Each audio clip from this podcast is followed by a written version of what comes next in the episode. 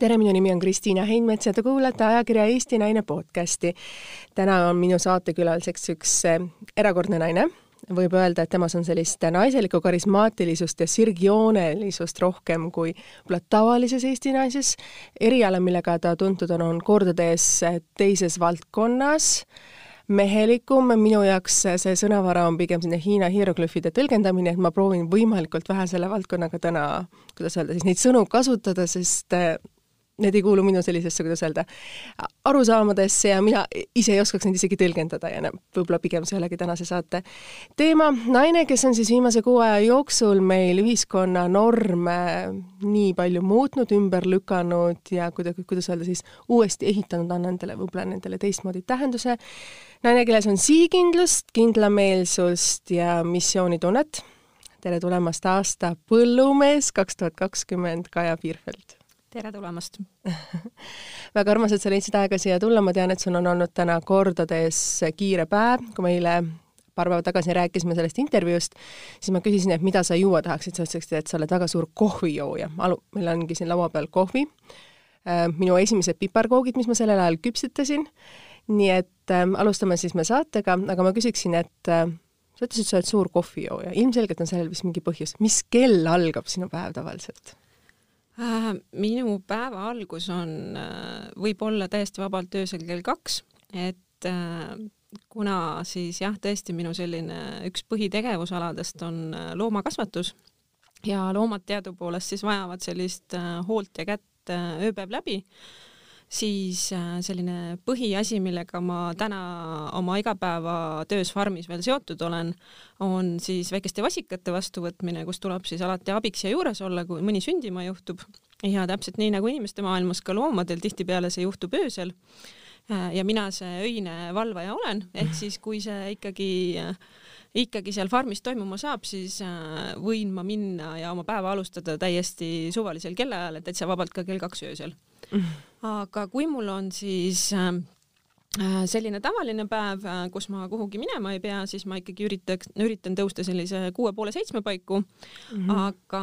aga täna siin kindlasti tuleb veel jutust välja, et kuna ma töötan ka lisaks siis loomakasvatuse kutseõpetajana, siis nendel päevadel, kui ma sõidan kooli tunde andma, kuhu mul on sada kilomeetrit oma farmist sõita,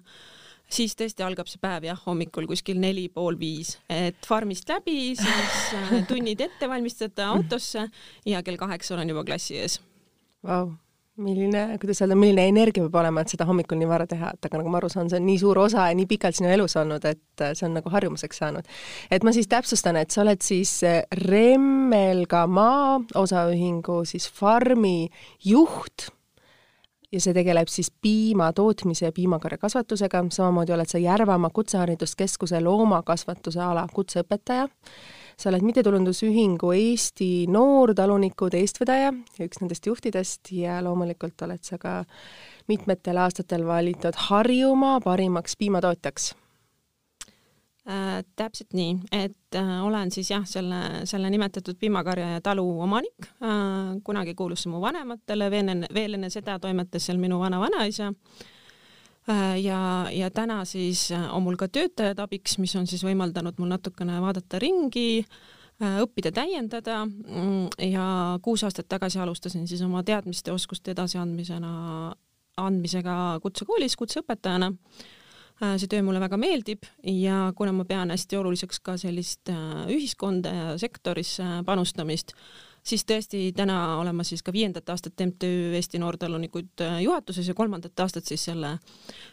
selle juht ja sinna on siis koondatud tõesti täna väga-väga paljud sellised noored ja ägedad põllumajandustootjad, et, et sellised vahvad tegevused mul tõesti on, jah ilmselgelt sina juhina inspireerid neid palju. aga tuleme tagasi sinna, et põllumajandus, juba sõnu, sõna põld on ju niivõrd mehelik teema ja need asjad ja sa oled ju kahekümne teisendast, kahekümne teisest eluaastast saadik olnud selle valdkonnaga seotud. sa oled üle võtnud ju tegelikult oma vanavanemate talu, kas sa mõnes mõttes, minu jaoks on nagu sellise Krõõda ja Andrese üks tütardest kes oleks võinud olla tulevikus. võib-olla see, kui Anton Hanser Tammsaare seda teost Tõde ja õigus kirjutas, ei osanud selle peale tulla, et võib-olla kunagi saja või rohkem aastate pärast on selline Liisist, kes oli siis Krõõda ja Andrese esimene tütarsaanus võiks saada ka tegelikult talu peremees, see talu üle võtta ja võib-olla viia ta veel rohkem õitsele, kui Andres ise oleks, Andres ise suutis seda teha. kas see ei ole nagu omamoodi nagu sellise Eesti ühiskonna alustala täiesti ümberlükkamine? Mm. -hmm. see, see on väga huvitav selline metafoor, et kui ma võtaksin nüüd sõnasabast kinni ja alustaksin sealt algusest, et mm -hmm, täpselt. põld ja mehelik, et aga põllu peal kasvavad ju lilled loomulikult et saame kohe sellise naiseliku poole sinna sisse ka tuua, pluss kasvavad, et elu hoidmine, mis on loomakasvatuses ja loomade kasvatamine, et, et seal on ka päris palju, päris palju selliseid osasid, mis, kus on just selline äh, äh, naiselikud sellised tugevused ja iseloomuomadused äh, vägagi abiks aga huvitav on jah see, et tõesti meie sellises kultuuriloos on traditsiooniliselt see poegadele talu pärandamine olnud. Ja, ja mitte ainult meie kultuuriloos, ka muideks minu isa ootas väga poega ja mul on tegelikult veel kaks no, õde, kaks õde ja, ja kui me kaksikõega siis ja kaksikõde ja kui me siis sündisime, siis äh, naljaga pooleks külalegend räägib sellest, kuidas ta, kuidas ta rääkis, et tal juhtus suur õnnetus, et tal sündisid kaksikud tütred. Äh,. sest poeg sellises maamajapidamises oli ikkagi kuidagi jah, selline väga soovitud ja, ja oodatud. Aga ma olen üpris kindel, et vaadates ka ringi neid, neid võib-olla siis tema tuttavaid põllumehi, kellel olid pojad ja kes ei ole tänaseks nagu keegi valdkonda jäänud siis ma usun ja loodan, et ta on täna siiski, siiski päris õnnelik, et et äh, tütrest sai siis aasta põllumees, et äh, nüüd pärast seda tiitlitki isa ütles mulle, et nüüd lõpuks ometi on mees majas. no väga õige, sellepärast et Andrese pojast Andresest ei, ei saanud ju tegelikult seda õiget taluperemeest, et siin ju võib-olla oleks Liisis saanud, kui teile oleks see võimalus antud, et sina oled siis nagu selle stereotüübi ümberlükkaja. tuleb nii välja, jah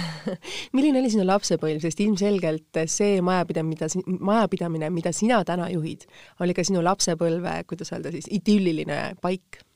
äh,? täpselt nii, et ähm, minu lapsepõlv ikkagi oli päris selline talu- ja töökeskne, et eks me õdedega päris varajasest noorusest olime nendesse talutöödesse kaasatud, et äh, vanemad hakkasid siis äh, kohe nii-öelda sellise nõukogude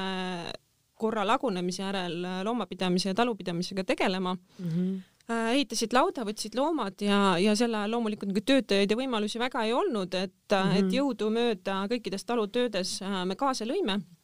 ja ma arvan, et samas see tööharjumus või see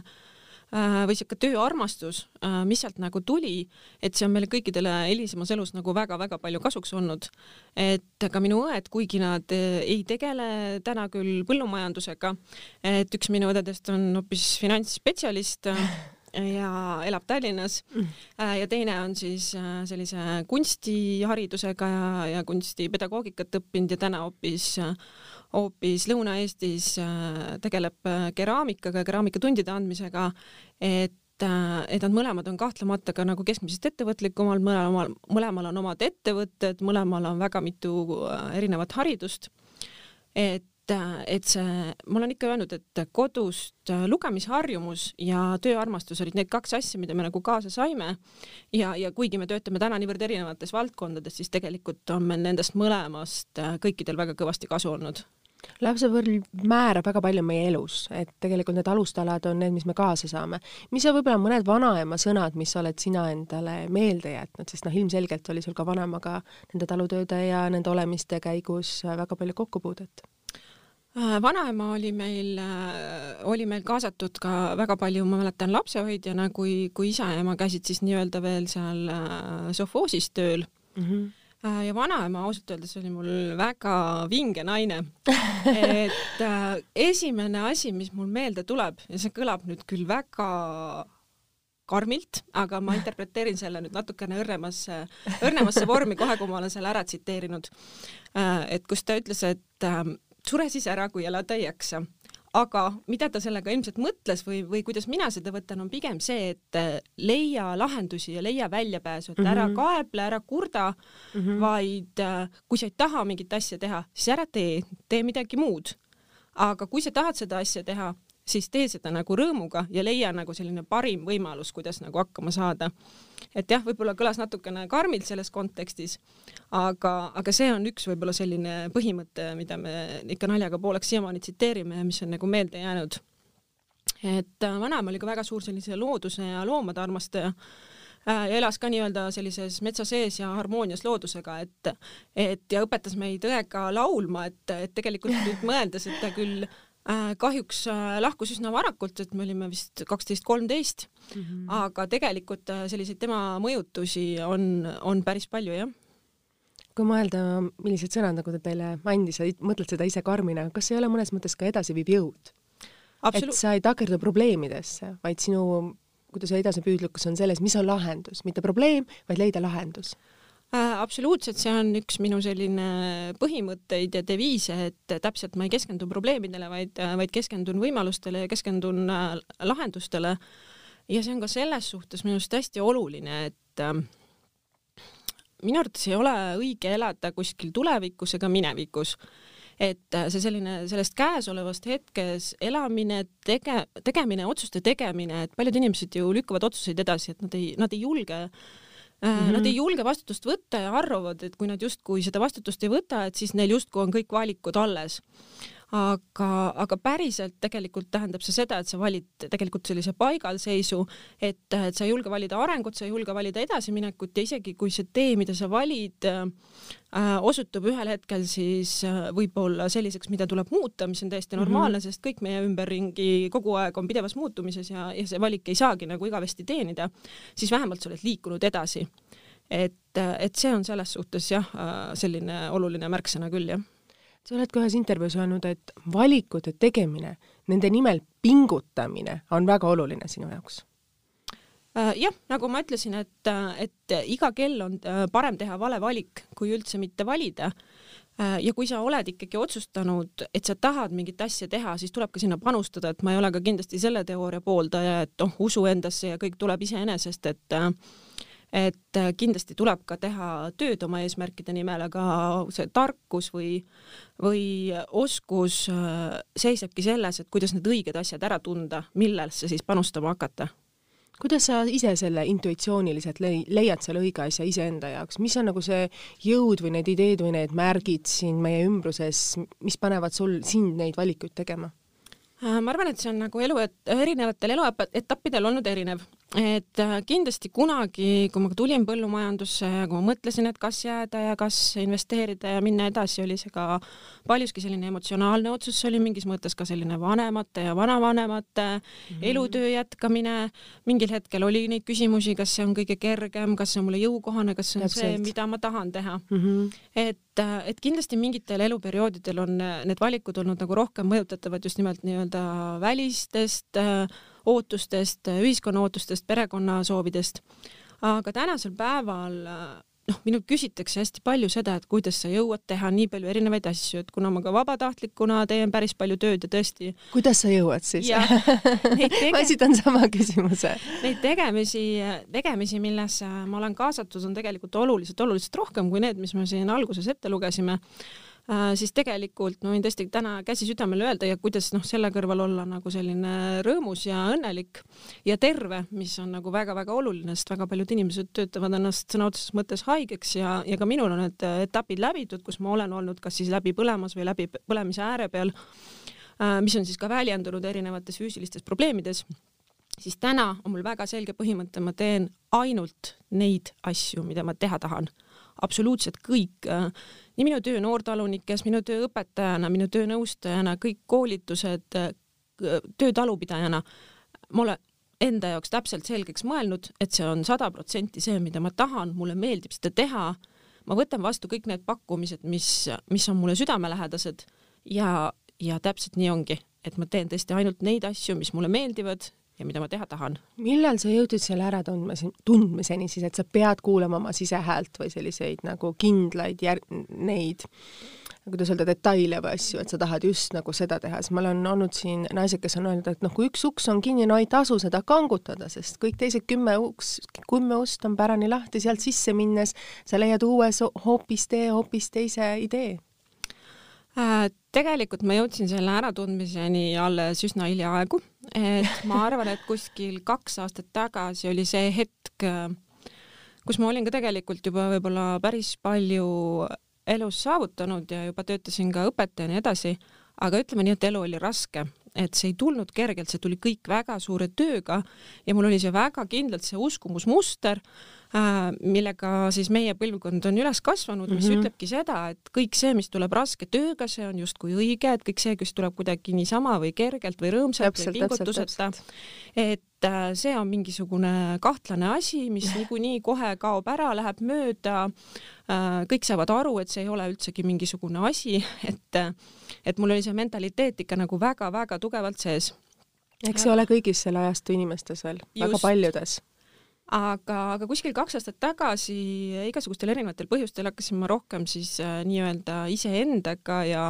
ja enda vaimse tervise ja kõige, kõigega võib-olla mingis mõttes vaimse maailma teemadega rohkem tegelema ja täiesti teadlikult mm -hmm. läbides nii noh, lisaks äh, väga paljudele raamatutele, mille ma siis läbi töötasin ka, ka käies siis võib-olla erinevatel kursustel ja kuulates erinevaid podcast'e ja Äh, tutvudes erinevate teooriatega, mis, mis lõpuks viisid mu välja sinnamaani, et äh, täna ma õpin Holistika Instituudis, mis on, mis on ka siis selline väga-väga hea koht äh, ja aitab inimesel oma sellist fookust paika saada.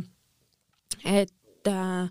et siis ma hakkasin avastama ja mõtlema, et tegelikult tegelikult ei pea olema niimoodi, et kõik on nagu väga-väga raske ja keeruline ja, ja need taipamised hakkasid nagu kuidagi järjest tulema ja ma ütlen seda, et äh, noh, ma saan täna täpselt sellesama tulemuse, mida ma sain siis nii-öelda oma eelnevas elus, aga ma saan selle ilma selle tohutu pingutuse äh,, ülearuse rahmimise, muretsemise, kannatamiseta, et et jah, see enda, enda sellise sisehääle kuulamine, et mida üldse teha, kuhu üldse panustada, et kui varem oli, tekkis mul mingisugune probleem või tööalane situatsioon, siis ma kohe jooksin, tormasin seda lahendama, mul mm -hmm. oli juba viis lahendust äh, guugeldatud, helistatud, joonistatud, kirjutatud mm, -hmm. et et piltlikult öeldes täna, kui mul tekib nagu tööalaselt väga keeruline situatsioon, siis ma tõesti võtan aja maha, võib-olla lähen teen jalutuskäigu või väikse uinaku ja ma suudan nagu ennast säästvalt need probleemid tegelikult palju paremini ära lahendada aga see oskus või võib-olla ka mingis mõttes usaldus iseendat, iseenda ja elu vastu, et need, need asjad nagu ka loksuvad paika ja, ja lähevad õiges suunas. see on tulnud alles jah, viimase paari aastaga. ja mina nimetaksin seda iseenda jaoks, mul on olnud, et elu tuleb elada lihtsaks. kui on keerukus, tuleb mõelda, mis see keeru-, millest see keerukus tuleb ja tuleb leida sellele võimalikult kiiresti selline voogav ja edasiviiv lahendus, mitte nagu takerduda sinna ühte probleemi, millest sa ise ka just hetk tagasi nagu rääkisid. aga vanemad, sa rääkisid, et üheksakümnendate aastate alguses hakkasid nad uuesti talu pidama, loomad tulid majja, et see võis olla ikka väga keeruline aeg, mõeldes, kui raske oli kõigil ju, kes hakkasid otsast peale üheksakümnendate alguses äh,. küllap ta oli, aga see on jälle see küsimus, et millega nagu võrrelda et ega meil sellel hetkel ka, kui me võib-olla tegime suveleine, sügisel tulime koolist ja läksime, ma ei tea, äh, peete üles võtma või, või, või ka sinna midagi loomadega toimetama. Äh, meil ei olnud ju nagu mingit võrdlust ja selles suhtes, et äh, ikkagi selline, selline töö tegemine, see keskkond, see oli nagu nii normaalne ehk ehk ma ei saa öelda, et see tundus nagu raskena, see, see oli normaalsus, see oli, see oli see elu, mida me teadsime ja, ja seal oli ju tegelikult ka palju, palju sellist äh, igapäevast rõõmu ja rahulolu, et ega loomadega toimetamine meeldib mulle siiamaani ja ka laste jaoks on see ka ju nagu väga tore ja, ja selline lahe tegevus. et äh, jah, ma arvan, et äh, igas eluvaldkonnas tegelikult, et äh, ma just naersin siin esmaspäeval Äh, kui TV3 käis tegemas äh, minuga siis mhm. intervjuud ja, ja siis operaator ütles ka, et issand, et küll see põllumehe elu võib ikka olla raske, et igal hommikul varakult üles ja ja tuleb olla väga operatiivne ja reageerida erinevates olukordades ja siis, kui ta pärast ise roomas oma kaameraga seal ringi, et seda sobivat nurka saada, siis ma ütlesin, et vaata, minu arust ikkagi väga paljudel elualadel on see elu suhteliselt raske, et et küsimus on selles, kuidas me ise sellesse nagu suhtume või kuidas me seda nagu võtame. täpselt väga,, väga-väga õigesti, väga hästi öeldud. aga kui raske või keeruline on sul ennast nüüd naisena kõikide nende valdkondade vahel nagu jagada, sa rääkisid sellest vaimsest tervisest, iseenda, kuidas öelda, taasleidmisest, sisehääle nagu tundmisest, et kui me sulle vaatame peale, siis sõna põllumees ei käi kuidagi sinuga kokku, selline heleblondide juustega, selles, kuidas öelda, lokilise soenguga, sinise kleidiga, punaste küüntega, kui sa võtsid vastu, ma mäletan ise teleekraan seda, seda šokki minu enda sees stereotüüpselt, kus on põllumees, et valitakse ju põllumeest, aga siis on selline habras naine, et see oli nagu üllatav, et kui keeruline sulle iseennast on nagu naise ise seal kehtestada, et noh, ilmselgelt ma kujutan ette, et sul on ligi üheksakümmend protsenti sind ümbritsevad selles valdkonnas mehed äh,. vastab tõele, isegi ma arvan, et üle üheksakümne protsendi. et äh, põllumajandussektor on traditsiooniliselt olnud selline mehine ala ilmselt äh, on selleks väga palju ka häid põhjuseid. Äh, üks põhjus on kindlasti see, et seal on vaja palju tehnilist taipu, väga palju vaja töötada tehnikaga ja, ja mina leian ja arvan küll, et meestel tuleb see paremini välja.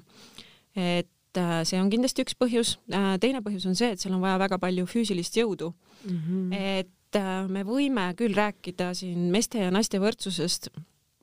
aga on siiski nagu teatud aspektid Äh, ja üks näiteks on füüsiliselt raskete asjade teisaldamine, mida näiteks minu arvates äh, naiste füüsis ei ole loodud tegema ja mida, mida nad ei peaks nagu igapäevaselt tegema, et äh,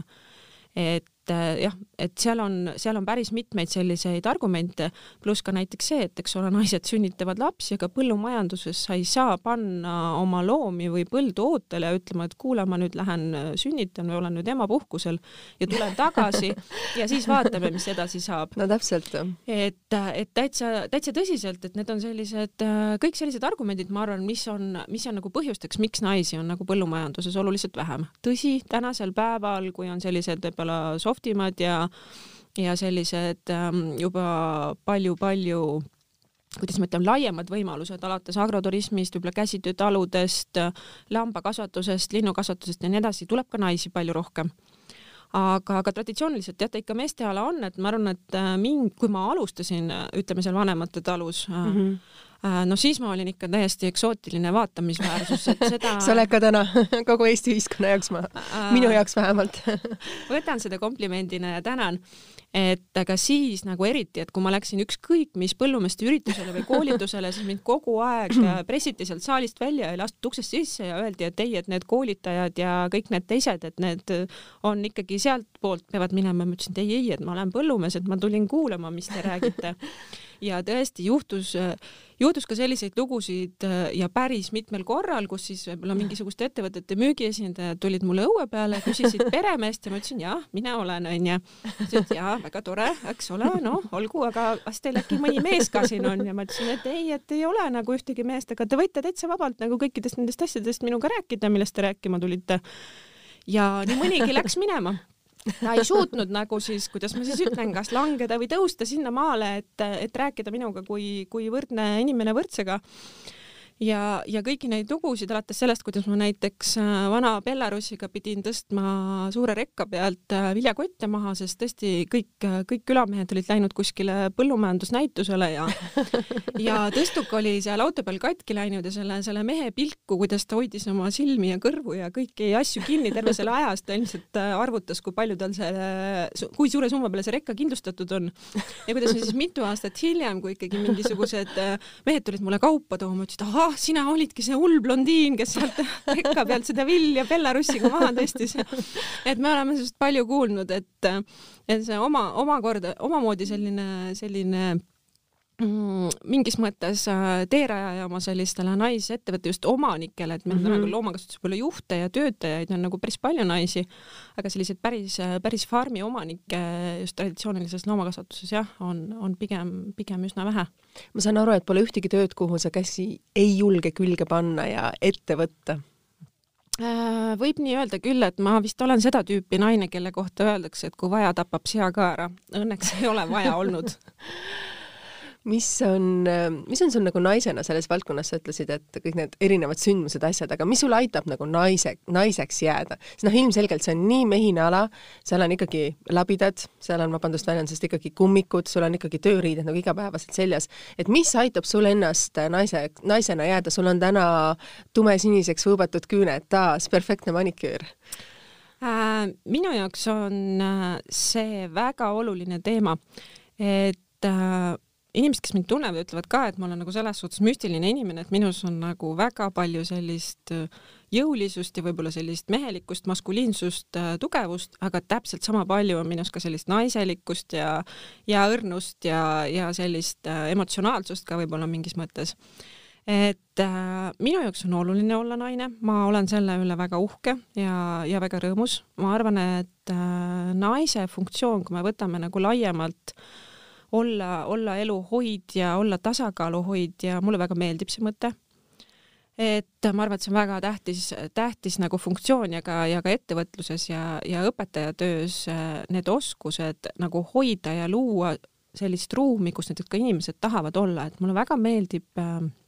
selline ütlus, et tegelikult ei ole oluline äh, mida sa teed, vaid oluline on, kuidas sa seda teed mm. -hmm. et äh, küllap see on ka see, mis võtab kõige paremini kokku selle, et kui öeldakse, et kuidas on võimalik, et äh, lähed pead talu ja oled edukas ja lähed hakkad õpetama, oled edukas ja noh, kindlasti võib-olla jõuab veel midagi kolmandat teha ja tuleks ka päris hästi välja mm. -hmm. et see ongi seesama, et mis tundega sa seda teed. mina, mina olen võtnud selle nagu naiselikkuse või selle naiseks olemise ja, ja, ja selles suhtes äh,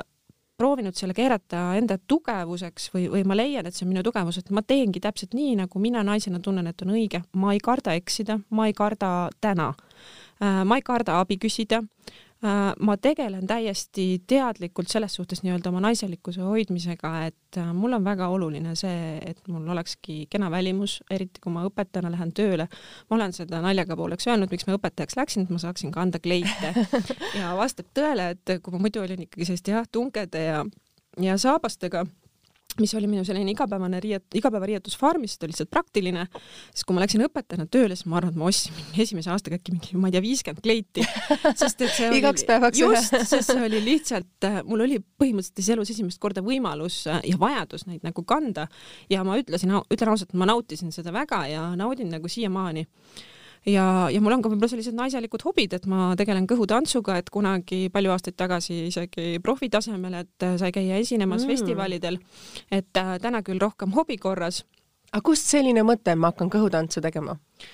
Äh, oi, see oli kunagi lihtsalt väga populaarne, et, äh, et ka maapiirkondades käisid õpetajad ja tulid ja tegid ja oli selline võimalus, et äh, ma olen ikka nagu püüdnud igasugustest võimalustest, eriti kui nad kodu lähedale tulevad, kaasa mm -hmm. haarata. ja oli selline tore seltskond ja, ja sealt see nagu armastus jäi, et, et kõhutants on kindlasti selline hästi naiselik, naiselik ala ja üldse tantsimine et tantsimine, ilusad riided, enda välimuse eest hoolitsemine, need kõik on sellised asjad, millele ma teadlikult nagu tähelepanu pööran, ka selline ilu loomine enda ümber kuni selleni välja, et mulle meeldib äh, ma ei tea, võtta kaks tundi ja käia juuksuris, mulle meeldib, kui mul kodus, ma ei tea, põlevad küünlad ja ma ei tea, diivanipadjad on värvilised, et täiesti teadlikult äh, ma, ma hoian seda, seda naiselikku energiat ja seda naiselikku poolt enda elus nagu sellisel aukohal, ma ütleksin see on imeline kuulda, et sa sellist asja julged tegelikult rääkida, sest väga paljud naised ütlevad, et me, et oh ei, ma siin juuksuris väga ei käi ja ma mujal salongis tegelikult väga ei käi, et see on pigem nagu hea kuvand, et sa nagu mitte midagi ei tee, aga see, et sina sellise mehe, meheliku valdkonna esindaja ütled, et ma, minus on naiselikkust rohkem kui võib-olla teises, minu jaoks on välimus oluline, et see on müstiline tegelikult, et sa seda julged teha, välja öelda mm,. absoluutselt on oluline, sest et, et äh, minu arvates näitab hoolitsetud välimus juba ühest küljest lugupidamist teiste inimeste vastu, aga aga ka lugupidamist enda vastu, et mm -hmm. see annab nagu nii palju juurde ja see on nagu nii tähtis, et nagu öeldakse, daam peab jääma daamiks igas olukorras. kust see sõna tuleb, daam peab jääma daamiks, kas see võib olla su vanaema sõna, sõnastus äh,? see, see, see kindlasti ei ole tema algupärane tsitaat, aga see sobiks tema suhu nagu suurepäraselt. ma mäletan, et ka temal olid kõrge eani ikkagi oli keemiline lokk, laknahast kotike ja, ja, ja see kindlasti sobituks tema sellisesse arsenali väga hästi. Siis oli midagi meie vanaemates ühist, et minu vanemal oli samamoodi need keemilised lokid, äh, huulepulk, samamoodi see laknahast kott, mis vist oli vist tol ajastu kõikidel naistel ja turbanid, ma mäletan, ta ei kandnud mütse, vaid ta kandis alati kübaraid ja mantleid, et et see on midagi võib-olla, mis meid ka, kuidas öelda, tütardena inspireerib, et me tahaksime olema samasugused, sest ilmselgelt me vaatame alt üles nii oma emade kui oma vanemate peale, et võib-olla see on ka midagi. jaa, väga võimalik aga vanemad ja emad jätame nüüd kõrvale, sa oled ka ise ema, sul on kaheksa-aastane poeg. milline ema sa tahad ise olla lapsele? ähm,? ma arvan, et ma olen emana samasugune nagu võib-olla õpetajana, äh, kui ma ütlen äh, selle tagasiside põhjal, mida ma olen õpilastelt saanud, siis kõige rohkem äh, nimetavad nad seda, et ma olen nende jaoks inspireeriv. et, et kord, korduvalt on mind ka nimetatud lausa Eesti inspireerivamaks kutseõpetajaks ja ja, ja eeskujuks, et see on väga suur au, see on väga suur rõõm Äh, ja ma arvan, et see on ka kõige ähm, sellisem äh, parem moodus äh, noori inimesi nii-öelda mõjutada. et öelda, et sa pead midagi tegema, ei ole üldsegi nii tõhus, kui teha seda asja ise hästi ja tekitada selles noores inimeses tunne, et vau, ma tahan teha samamoodi. ja, ja oma lapsega ka, et meil oligi selline naljakas juhus, et kunagi ta siis rääkis sellest, et et ta tahab saada miilitsaks, noh, ehk siis tänasel päeval see pole võimalik, politseinikuks, äh, kuna tema isa tahtis kunagi noorena saada miilitsaks. Ja mingi hetk ta siis muutis fookust ja teatas täiesti kindlalt, et ei, et ta nüüd otsustanud, et tema hakkab talunikuks. et ma ei ole mitte kunagi temaga nagu sellest rääkinud või teda mõjutanud või ma pole isegi mõelnud, et minu laps kindlasti peaks tegema sedasama tööd, mida mina ja, ja tema see otsus on vähemalt täna, kui, kui me saame kaheksa-aastase puhul muidugi rääkida sellisest väga elu, elu paika panevate otsuste kindlusest äh,, väga kindel ja ta, ja ta ütleb just nimelt sedasama, et et äh, talle meeldib nagu see, et tema on telekas ja inimesed räägivad temast hästi ja et see on nagu selline ja ka koolistised ütlevad, et oi, et näed, nii tore, et, et see on ka inspireerinud tegelikult teda ja just nimelt see, et ma oma tegemistest ka võib-olla natukene rohkem äh, avalikult räägin ja neid nagu avan, mis, mis taaskord on mulle nagu väga vahetu tagasiside sellest, et kui oluline on tegelikult nagu rääkida ja näidata, et mida sa nagu teed. oled sa mõelnud seda, et kui sa armastad oma tööd, siis see paistab välja ja teised inimesed märkavad seda, hakkavad sellesse suhtuma ka teistmoodi? ma olen sellega sada protsenti nõus, et äh, mulle meeldib see mõte, et kui öeldakse, et mõni inimene teeb teed kätega või, või peaga või arvutiga, siis mina ütlen, et ma teen tööd südamega. et äh, väga ilus. jah, ja, ja, ja mulle, mulle meeldib see ja, ja ma arvan, et äh, nagu ma ütlesin, et ei olegi vahet, mida sa teed kui sa teedki südamega, siis, siis see tuleb sul väga hästi välja ja, ja see pakub ka teistele inimestele midagi. Väga ilusti jälle taaskord öeldud, mida, mida ma siin öelda, ainult ilus, ilus, ilus, ilus. Aga kui sa oled õpetaja klassi ees, siis me sinuga vestlesime korra ja sa mainisid, et põhimõtteliselt sada protsenti sinu õpilastest on mehed. Äh,. täpselt nii ta on, et äh, kui me räägime nüüd sellisest klassikalisest õpilasest, kes tuleb siis meile põhikooli baasilt, siis ta on noormees vanuses viisteist kuni üheksateist ja osades gruppides meil on üks või kaks tütarlast ka, aga kaks kursust on praegu sellised, kus ühtegi tüdrukut ei ole. nii et äh,, nii et üldiselt jah, ja ka noortalunikes kaheksakümmend protsenti liikmetest on mehed. et üldiselt ma olen, olen ümbritsetud jah, väga suurest äh, meeste hulgast igapäevaselt. mis sa arvad, mis paneks muutma seda? Ähm, ma noh, ma, ma ei tea, kas seda peabki nagu selles suhtes äh, muutma, et et äh, nagu ma ütlesin, tegelikult põllumajandus erialana täna, me ei saa seda enam võrrelda sellega, mis oli kümme, kakskümmend aastat tagasi, et see, see, see maastik ongi nagu väga palju muutumas ja, ja, ja üha rohkem tuleb selliseid väikseid talusid, hobitalusid ja nende selliste juhtide omanikena tuleb ka kindlasti naisterahvaid nagu oluliselt rohkem sektorisse. aga mida, mida mina isiklikult tunnen, mida ma olen saanud teha Mm, siis näiteks ka pärast seda, kui mulle siis äh, väga auväärne aastapõllumehe tiitel omistati, näiteks tuli meil ühe nädalaga viis uut liitumisavaldust naisterahvastelt äh, noortalunikesse, nii palju meil ei ole enne aastate jooksul tulnud. Wow.. ehk siis jälle seesama isiklik eeskuju ja, ja inspiratsioon, et see on kindlasti, kindlasti see, et tervet maailma sellega ma kindlasti muuta ei jõua, aga kui need viis inimest, kes täna tulid ja, ja teevad seda tööd ka kirega ja armastavad ja inspireerivad omakorda järgmisi ja näitavad, et ka naisena on tegelikult võimalik sellel alal mm -hmm. nagu mhm. tegutseda ja ennast jagada ja ise sealjuures jääda selliseks rõõmsaks ja terveks, siis äh, naiseks. just, ja naiseks, siis täpselt, äh, täpselt nii see, see läheb, et eks see protsess lihtsalt võtab aega ma arvan, et sinu julgus on just see, mis inspireerib olla teistmoodi ja teha seda, mida sa ise armastad südamest, olenemata, kui see on kardinaalselt, kuidas öelda, sellise selle naiste tööde skaala kõige viimases otsas. aga sa oled võitnud ju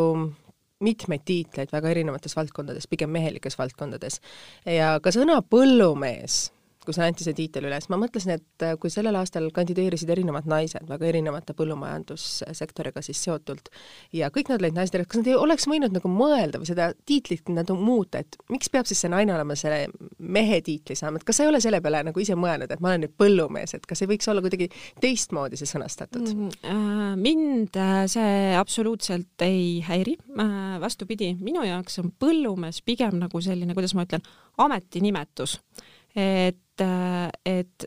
ta ei viita nagu minu jaoks niivõrd seda siis inimese soole, vaid see ongi selline no, nagu peremees. peremees on omanik, ei ole mees iseenesest. et, et samamoodi on põllumees, on minu jaoks selline põlluomanik või põllumajandusega tegeleva ettevõtte omanik, juht, eestvedaja ja, ja see oli ka tegelikult arutusel, et ma mäletan, et kui ka aasta põllumehe žürii, mis koosneb väga auväärsetest inimestest, alates siis valdkonna ministrist, kantsleritest ja erinevate siis äh, esindusorganisatsioonide mm -hmm. juhtidest äh, minu juurde jõudis, nad küsisid ka esimese asjana seda, et kas see on sinu jaoks okei okay, äh,, kui me Aha. kutsume sind äh, põllumeheks tahaksid sa olla põllunaine või hoopis põlluinimene? ja ma ütlesin, et ei, et see on, see on minu jaoks nagu igati sobilik ja ma usun, et nad küsisid seda ka teiste kandidaatide käest. nii et see selline ühiskondlik hukkamõist, et, et miks te, miks te neid naisi seal niimoodi devalveerite ja, ja nimetate neid äh, astepõllumeheks, et äh, ma arvan, et see on kõigiga kooskõlastatud ja minule isiklikult on see jah, pigem selline selline ametinimetus või selline, selline kuvand või märk, et, et see ei ole nagu soopõhine see on väga teistmoodi nagu öeldud, et üldjuhul, kui kirjutatakse näiteks, öeldakse meeskond, et miks sa kasutad sõna meeskonda, miks sa ei kasuta naiskonda, et ma mäletan, kui ma ise õppisin ajakirjandus, meil oli ajakirjandusalane tund, siis ka eesti keeles räägiti, et et kui te kasutate neid sõnu, siis te peate nagu olema nagu korrektselt äh, võimalikult palju, et sinu kohta nagu kuulata sellist arvamust, et ei ole vahet, mis on see nimetus, oluline on see, mis on selle taga ma arvan, et see on ka natukene võib-olla seotud sellise ka mingil määral võib-olla enesekindlusega, et ma arvan, et see ei suu-, see ei muuda tõesti asja sisu ja see ei muuda seda olemust, et et äh, see on eesti keel ja selline terminoloogia on kasutuses, kui keegi tunneb ennast mugavamalt, äh, kasutades sõna naiskond või, või esiinimene, nagu on esimehe kohta mõned öeldud, siis minule ta ei ole nagu suupärane, ta ei ole mugav, see ei muuda minu jaoks asja sisu. Äh, ma ei näe, et ma oleksin sellepärast kuidagi vähem väärtuslik või minu töö oleks kuidagi vähem hinnatud ja, ja minul jah, isiklikult ei, ei ole nagu sellega mingisugust probleemi või teemat, et mulle pigem, pigem meeldivad sellised traditsioonilised väljendid ja ilus eesti keel sinu jaoks on haridus väga oluline, sa oled ise õpetaja ja ma tean, et sa ise ka jooksvalt mainisid, et sa õpid praegu instituudis, see on aidanud sind inimesena kuidas öelda, edasi areneda nagu võib-olla teises valdkonnas, mis on su erialane töö. kui oluliseks sa pead haridust, kui oluliseks sa pead nagu, kuidas öelda siis, elus edasi pürgimist? Mm -hmm. äh, hariduse enesetäiendamise teema on mulle väga südamelähedased ja väga olulised ja mul on endal lausa selline süsteem välja töötatud, et ma täiendan ennast pidevalt, ma õpin praegu ka, mul on üks rahvusvaheline programm Äh, mis kestab poolteist aastat, milles ma kaasa löön, siis mainitud äh, õpingud Holistika Instituudis, mis ühest küljest siis äh, noh, kui ma jätkan seal õpinguid, siis jätkuvad nii-öelda terapeudi õppes, et ma õpin nagu veel paremini nii-öelda siis inimeste sellist äh, vaimset maailma mõistma, analüüsima, aga samas üks osa sellest õpingust on ka siis arengut toetav vestlus äh,, mis on mulle jälle suureks abiks selliseks nõustaja ja õpetaja töös et mul on selline põhimõte, et mul on tegelikult neli erinevat valdkonda, milles ma kõiges ennast paralleelselt koolitan, et üks on siis puhtalt selline erialane ehk siis loomakasvatuse ja põllumajandusega seotud, üks on siis minu pedagoogiline kompetents, üks on selline üldine suhtlemisoskus ja üks ongi siis selline enda selline võib-olla vaimne tervis ja kõikide, kõik need neli on minu jaoks äh, võrdselt olulised ja, ja ma tõesti olen leidnud just kas siis päris mingi pikemaajalised programmid või mingid koolitused või kasvõi, kasvõi raamatud, et tänapäeval ju see informaalne haridus on juba täpselt sama oluline ja täpselt sama kvaliteetne tegelikult mm -hmm. kui konkreetselt ka kusagil koolis käimine. et äh, et ma tõesti äh, täiendan ennast nagu, nagu üsna laialt, ma pean lugemist väga-väga oluliseks, ma armastan lugeda, mul on praegu ka kaheksa raamatut pooleli et ähm, aga mis on nendest kõige tähtsam praegu, pealkiri? Äh, kusjuures äh, valmistudes meie selleks vestluseks Nekrassovi Tugev naine, võtsin selle uuesti ette ja lugesin just sealt kaane pealt siia tulles sellist sellist mõtet, mis võib-olla läheb ka meie selle, selle intervjuu teemaga päris hästi kokku, et ma kuulen. et naine ei pea nagu kõiki asju saama nagu äh, läbi sellise tohutu pingutuse ja, ja võitluse, vaid äh, ta võib saada täpselt needsamad asjad, olles õnnelik ja õrn et see oli nüüd küll väga selline meelevaldne refereering, aga see mõte mulle iseenesest meeldib, sest see läheb ju kokku täpselt sellega, kuhu ma ütlesin, kui ma oma elus olen jõudnud, et ei pea nii hirmsasti pingutama, ei pea nii hirmsasti võitlema, et ei pea nii hirmsasti tõestama, et oma rada saab käia ja oma eesmärke saab saavutada ka selliselt, et sa eladki oma südamega kooskõlas, sa teed seda, mida sa õigeks pead, äh, sa käitud inimestega hästi arvestavalt, et sa ei lähe nii-öelda üle laipade et, et tegelikult see võtab ju selle mõtte väga hästi kokku ma, kuidas öelda, laiendaksin seda, et ma tean, et minu ema ja minu vanaema olid need kaks inimest, kes siis inspireerisid mind alati ühe lausega, et olenemata, mida ma elus ette võtsin, et äh, ära tee kunagi sellist midagi, mida sa ei tahaks, et sinule tehtakse et äh, selline lause siis äh,. olen väga nõus, et äh, mul on isegi vasakul käel selline tätoveering äh, Comes around, goes around, mis tegelikult äh, millal sa selle tegid äh,? äkki neli-viis aastat tagasi mis, mille mõte on tegelikult äh, maakeeli seesama, mida külvad, mida lõik, seda lõikad. ehk siis ühe, ühest küljest põllumajanduslik, aga samas jälle laiendatav tervele elule, et see, mida sa teed teistele, äh, seda sa teed ka endale. ja, ja täpselt, täpselt nii ta ongi elu peegeldab sulle selle tagasi, kõik halb, mida sa endast välja lased ja kõik hea, mida sa endast välja lased, tuleb sulle endal tagasi. väga ilusad sõnad, mida sa ütlesid. aga miks sa kirjutasid selle inglise keeles? Uh, ma ei tea, selles suhtes, et uh, see mõte oli lihtsalt nagu minu sest see, mis sa eesti keeles ütlesid, oli palju ilusam ju uh,. küllap vist, aga ju mul oli siis sellel hetkel selline faas, kus ma tahtsin selline rahvusvaheline olla ja see mõte oli minu jaoks nagu selline mitmetähenduslik ja suhteliselt lai et.... kust see rahvusvahelik, rahvusvahelisuse mõte siis tuli siin neli-viis aastat tagasi, et tätoveering käe peal? no siis ma just hakkasin nagu tegelema rohkem enesetäiendamisega, õppisin ülikoolis ja siis oli ikkagi selline populaarne, et tuleb ennast ikkagi väljendada kõikidele arusaadavas keeles keeles ja kuidas öelda, see on nagu ma äh,, meil on hästi palju raadiosaateid ja telesaateid, kus kasutatakse neid ingliskeelseid sõnu ja väljendeid ja ma olen ise ka seda mõned korrad teinud. kas sa nagu ei tunne, et see keel, võõrad keeled tulevad eesti keelde nii normaalsusena sisse, et sa ise ei pane tähelegi, kui sa kasutad mõnda sõna mitte enam eesti keeles? Äh, jah, olen, äh, olen sellega nõus, et, et ilusat eesti keelt tuleks hoida, aga ütleme nii, et äh, kui mitte seda nagu kuritarvitada ja teha seda võõrsõnade kasutust teadlikult, siis ta ka mingis mõttes võib-olla ikkagi rikastab meie sellist, sellist suhtlust, sest on mõned väljendid, mis võtavad võib-olla väga hästi mis ei ole eestikeelsed, aga mis võtavad mõne, mõne meeleolu või tegevuse just nagu väga hästi kokku, et jah me rääkisime ette ka nendest noortest ja õpetaja rollist ka sellest, et kas sa ei ole mõelnud seda, et võib-olla see naiste pöördumine tagasi ka samamoodi maale ja ka noorte pöördumine rohkem maale ja selline rohemajandus ja ökomajandus on läinud nagu populaarseks, et kas see võib olla ka sellest tingituna, et noored on täna teistmoodi, teistsuguste maailmavaadetega, kui olime meie omal ajal? Et võib-olla kümne aasta pärast on meil palju imeilusaid blonde kaunitare põllumajanduses? oi, päris kindlasti on ja see, kuidas tänased äh, noored nagu äh, mõtlevad keskkonnast, mõtlevad maaelust, äh, see on, see on, see on väga äge, et et ma ütlengi, et meil räägitakse väga palju linnastumisest, aga, aga see maaelu ja maal elamine, et et ma olen, kordan iseenda mõtet, et tegelikult see on muutunud või vähemalt muutumas niisuguseks eksklu-, eksklusiivkaubaks, mis te, mida tegelikult paljud tahaksid, aga enamus ei saa endale lubada lihtsalt nagu logistika mm, -hmm. töökohad ja nii edasi. Äh, või ka, või ka väga keeruline on maapiirkonnas ju soetada kinnisvara, sest kõik teavad, et pank seda väga tagatisena ei arvesta ja nii edasi mm. -hmm. et, et tegelikult see maaelu on väga-väga suur väärtus ja need, kes selle võimaluse nagu leiavad ja, ja seda ära kasutavad, et äh, neid inimesi on nagu järjest rohkem ja järjest rohkem tuleb neid sinna just nimelt sellesama põhimõttega, et see keskkond,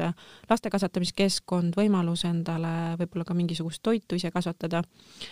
võimalus, äh, võimalus elada, võib-olla kõlab väga pateetiliselt, aga, aga väga paljud ka meesterahvad toovad seda välja, et võimalus elada nii-öelda kooskõlas äh, loodusega. Ja võib-olla ka üks, üks mõte, mis just hiljaaegu tuli, Äh, tuli ühest noortaluniku tutvustusest, et ma alati palun neil natuke rääkida ka endast, kui nad meile sinna liikmeks tulevad ja mm, -hmm. ja jagan seda infot, et, et äh, luua endale selline hobi, mis ka tegelikult nagu majanduslikult ära tasub, et, et kasvõi tõesti võtta siis need lambad või, või kanad või, või mis iganes loomad, et, et ühel ajal nad näiteks võib-olla hooldavadki seal mingisugust maalappi, aga nad ikkagi ka nagu toodavad midagi et, et neid põhjuseid on äh, väga erinevaid, aga ma olen jah, üsna kindel, et, et naised põllumajanduses äh, on kindlasti tõusev trend. väga hästi öeldud. aga ma küsiks, et mis on see, see, mis hoiab sind tasakaalus? Et sul on nii palju ameteid, sa pead ennast jagama nii paljude erinevate valdkondadega, sa oled ka ema ja ilmselgelt, nagu sa mainisid kohe sinna alguses, sinu päev hakkab teinekord kell kaks öösel. kui sa pead siis minema välja, sul ei ole teist varianti, sa võid, kas sa oled rampväsinud, kas sul on kolmkümmend üheksa kraadi palavik, sul on paha tuju või mis, mis iganes su ümber toimub, sa pead seda lihtsalt tegema. mis on see balanss, see tasakaal, mis hoiab sinu kõiki neid erinevaid valdkondi koos? Äh, ma arvan, et täna on minu selline märksõna või võtmesõna äh, seesama ühe mõttena see, mis siit juba läbi käis, see hetkes olemine, et ma olen õppinud tõmbama joont vahele, et ükskõik millega ma parajasti tegelen, ma tegelen sada protsenti selle asjaga ja ma olen sada protsenti kohal. Äh, vanasti oli minu jaoks või enne, ütleme, kui ma võib-olla hakkasin teadlikumalt nende asjade üle mõtlema, oli selline läbiv tunne, mis mind saatis, oli süütunne, et ükskõik, mida ma tegin, ma tundsin süüdi, et ma ei tee midagi muud, ehk a la, et kui ma olin lapsega, ma tundsin süüdi, et ma ei tee tööd, kui ma tegin kooliasju, siis ma tundsin ennast süüdi, et ma ei tea, et mind ei ole sõprade jaoks olemas. et, et sisuliselt ma teen täna täpselt neid samu asju, aga muutunud ongi see tunne, mis tundega ma seda teen. et ma olen selles asjas, mida ma parajasti teen, sada protsenti kohal ja, ja ma oskan ümber lülitada, ma oskan välja lülitada. et, et need on sellised olulised äh,, olulised oskused, mida ma olen, mida ma olen täna enda jaoks leidnud ja kõik see kõhutants, sport, metsas käimine äh,, raamatute lugemine, et ma täiesti teadlikult oma tegevuste vahel äh, hoian sellist balanssi. Loomulikult on päevi, kus sa oledki võib-olla väga varajasest hommikust väga hilise õhtuni hõivatud mingi tegevusega, aga need päevad on täna pigem erand, et ma teadlikult planeerin oma elu nii, et mul jääb kõikide asjade jaoks aega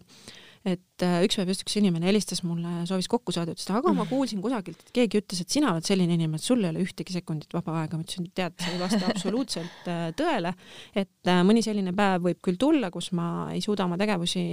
võib-olla koheselt ümber korraldada, et seda mm, -hmm. seda kohtumist teha, aga kõik see, mis on minu jaoks oluline, kõige selle jaoks mul täna aega on. Aitäh, et sa tulid täna siia stuudiosse, aitäh, et sa oled kohal täna siin saates, aitäh, et sa oled sellise inspireeriva nii õrna, samas nii tugeva naisena siin kohal, jagamas oma mõtteid, jagamas oma kogemusi, jagamas seda tasakaalu, mis on sinu sisse tekkinud kõigi nende aastate jooksul, kui sa alustasid kindlasti kahekümne kahe aastasena selles valdkonnas tööd ja nüüd, kui sa mõtled, et täna kolmekümne seitsme aastasena, kuhu sa oled jõudnud, siis see on meeletu töö, suurepärane teekond ja kindlasti midagi, mis inspireerib, ma loodan, ja vähemalt mind on see inspireerinud vestlus täna sinuga, kõiki teisi kuulajaid, kes seda podcast'i kuulavad. veel kord suur tänu, et sa tulid, meil on veel pärast vestluse lõppu saame siin veel mõned piparkoogid süüa, nii et veel kord aitäh teile, kuulajad, te kuulasite, podcast on teil saadaval Delfi taskukeskkonnas, SoundCloudis ja Spotify's. kohtume juba nädala pärast, kõike head, nägemist! kõike head!